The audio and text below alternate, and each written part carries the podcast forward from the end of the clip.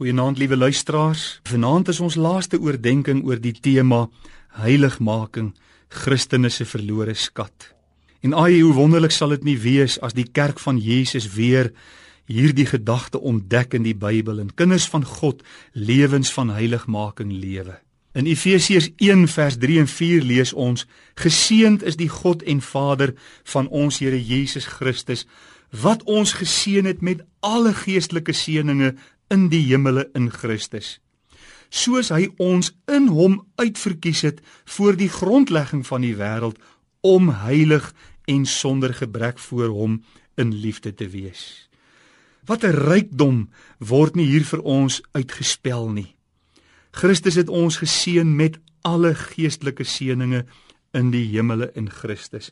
En ons kan nie die rykdom van God se seënings beleef en ervaar sonder heiligmaking in ons lewens nie.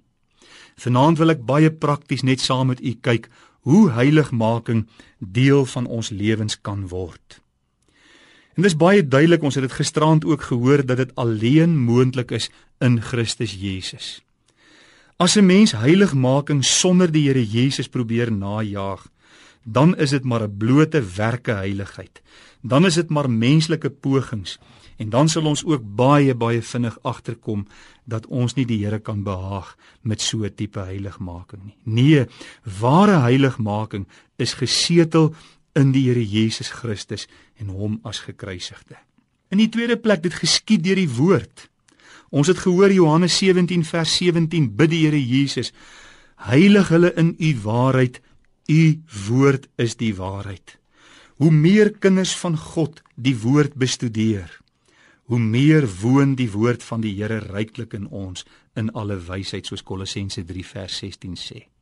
En hoe meer kan God sy heiligheid in ons lewens laat uitwerk. Dit geskied natuurlik ook deur geloof.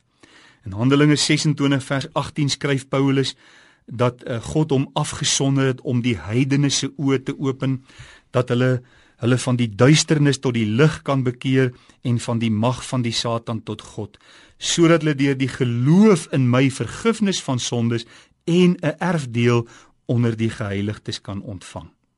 Soos alle geestelike seënings word heiligmaking ook ons deel deur geloof.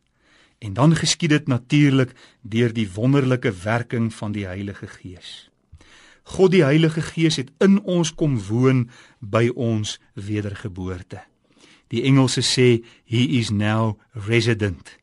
Maar wanneer ons begin heiligmaking najag, dan word hy die president, dan word hy die president, die koning van ons lewens en dis die Heilige Gees wat hierdie wonderlike werk vir ons doen. O mag die Here elkeen van ons wat geluister het, soos kinders laat glo en dat ons heiligmaking sal najag. Amen.